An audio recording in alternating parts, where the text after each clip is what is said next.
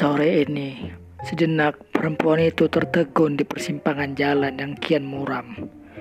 Dia pun mengusap peluhnya yang keruh, menerawang tatapannya yang nanar pada sebidang awan yang menggumpal.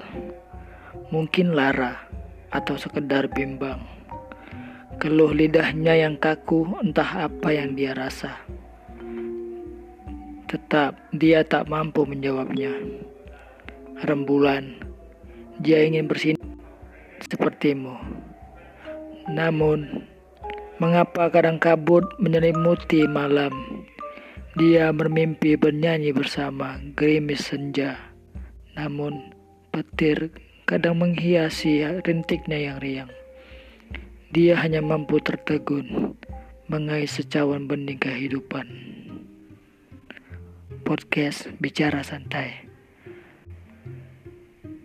di hari ke-11 spesial 30 hari bersuara dengan tema di persimpangan hanya di Spotify. Halo kamu, ya kamu masih dengan Abrar di sini. Gak terasa ya udah masuk di hari ke-11 pada bulan Desember. Kayaknya kemarin tuh baru masuk Januari. Udah pindah ke Desember aja. Nah di malam ini di hari ke-11 temanya itu di persimpangan. Ada cerita menarik nih dari teman jadi waktu memasuki semester 6 di perkuliahan aku punya teman.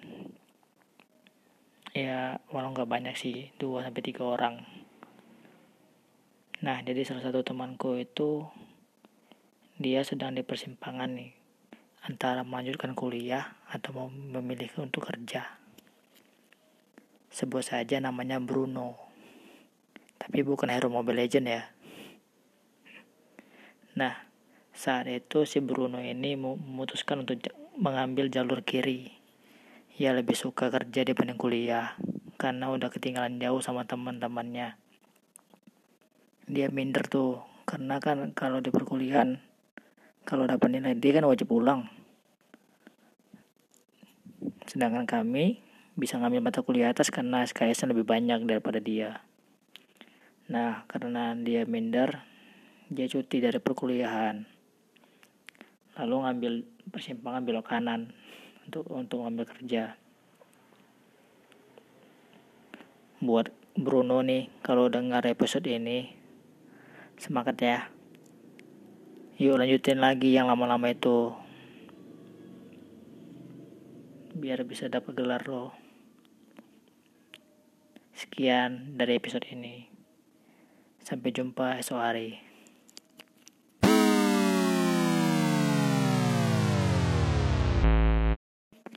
Podcast Bicara Santai. Di hari ke-11 spesial 30 hari bersuara dengan tema di persimpangan hanya di Spotify.